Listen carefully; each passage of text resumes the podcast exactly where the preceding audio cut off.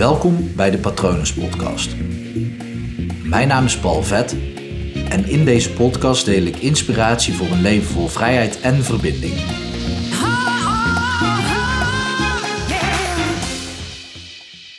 Hoe denken de 7,8 miljard mensen die jou niet kennen over jou? Waarschijnlijk denk je nu, ja, niks, want ze kennen mij niet. Maar in dat woordje niks zit misschien wel zoveel meer waarheid, of waarde is misschien mooier gezegd, dan je zou denken. Want ga eerst eens kijken naar de mensen die jou wel kennen. Je hebt natuurlijk mensen die dichtbij je staan, vrienden, familie, je partner, kinderen, ehm, mensen van de sportclub, die kennen je misschien alweer iets minder, collega's kennen je misschien ook iets minder goed, of misschien juist beter. Het ligt eraan wat jouw band is met hun, of hoe jouw band is met hun. Maar ga dan eens verder kijken, oké, tot aan 40, 50 mensen. Dat zijn misschien mensen die best wel weten hoe je in elkaar steekt. En dan kom je eigenlijk al bij de, de soort van social media grens aan. Oké, alle overige duizend die je ook op Facebook hebt. En bij de een zijn er dat 200, en bij de ander zijn er dat 1000 en bij de ander 5000. Dat is het maximum volgens mij. En bij weer anderen is dat misschien wel gewoon 10.000 of 100.000. Maar het maakt eigenlijk niks uit, want er zullen altijd 7,8 miljard mensen Ligt eraan wanneer je dit hoort natuurlijk, want dat aantal stijgt gewoon elke dag enorm. 7,8 miljard mensen zijn die jou niet kennen. En daar zit een voordeel aan. Op het moment dat jij eens gaat nadenken hoe iemand jou zou zien op het moment dat je diegene voor het eerst ontmoet. En dan niet iemand die jou via via zou kunnen kennen. En eigenlijk ook niet iemand die jou tegenkomt op een plek wat al iets over jou zegt bijvoorbeeld een nieuw iemand leren kennen tijdens de badmintonclub, dat zegt in ieder geval al dat je sportief bent en van badmintonnen houdt. Tenzij het een proefles is wellicht. Maar je interesse gaat uit naar badminton. Maar stel je komt iemand in een andere woonplaats tegen en daar raak je mee aan de praat. Gewoon ergens waar je bent, op straat of in een koffietentje, ik noem maar iets. Hoe zou diegene over jou denken? En eigenlijk is dat heel mooi, want die heeft natuurlijk geen duidelijk beeld van wie je bent het blijkt wel zo te zijn dat binnen dat eerste half uur dat mensen jou leren kennen, dat ze dan eigenlijk al 90% van je kennen. Maar je krijgt wel de kans om een, een nieuw beeld neer te zetten.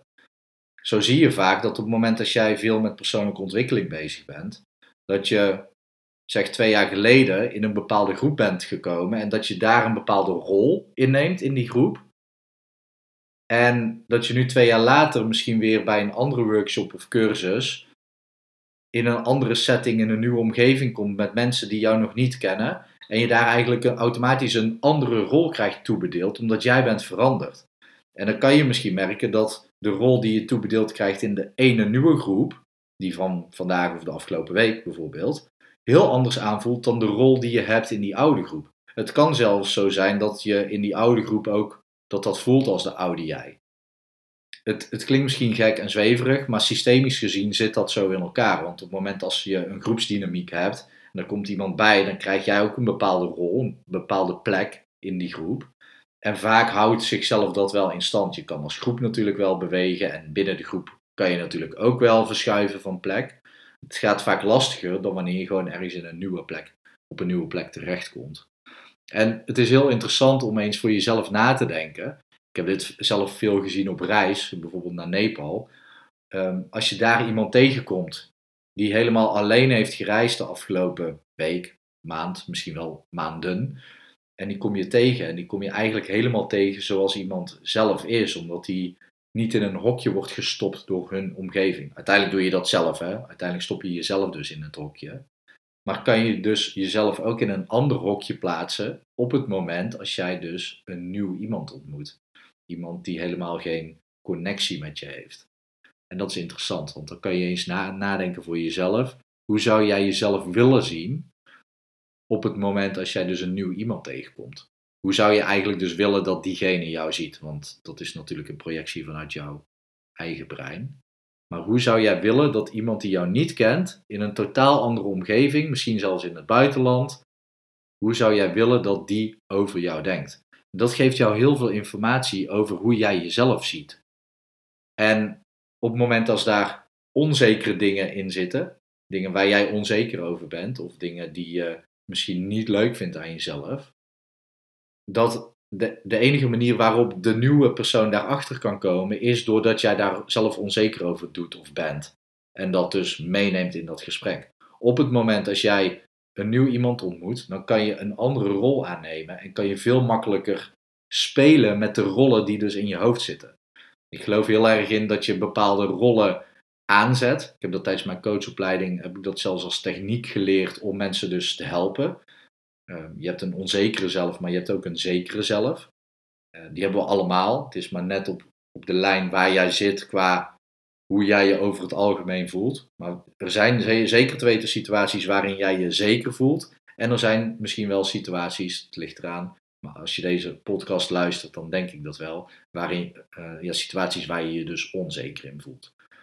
En je kan die beide rollen dus achter het stuur laten eh, zitten van de bus die jij bestuurt. Dus jouw leven is dan even een metafoor voor de bus. Of de bus is een metafoor voor het leven natuurlijk. Dus wie laat je sturen? Dus onzekere zelf of je, je zekere zelf. En op het moment dat jij dus een nieuw iemand ontmoet, dan kent die jouw onzekere kant niet. Dus kan je heel makkelijk jouw zekere kant laten zien en zal diegene jou dus als zelfverzekerd zien. En dat is interessant, want er zijn dus zoveel mensen waar jij een blanco pagina voor bent, waar je dus opnieuw uh, kan voorstellen, opnieuw bepaalde rollen kan activeren op het moment dat je die mensen ontmoet. En op het moment dat je daaraan denkt en dit opschrijft voor jezelf en dat ook voelt en bedenkt, oké, zo zou ik mezelf ook willen zien, dan heb je meteen huiswerk, want dan kan je daarmee aan de slag. Maar dat is ook iets waar je met je vrienden over kan praten. En dan wel de vrienden die je steunen. En soms denken we dat vrienden ons steunen, terwijl ze ons eigenlijk kleiner houden omdat ze zelf niet groeien. Uh, soms zijn ze niet capabel genoeg om je daarin te steunen.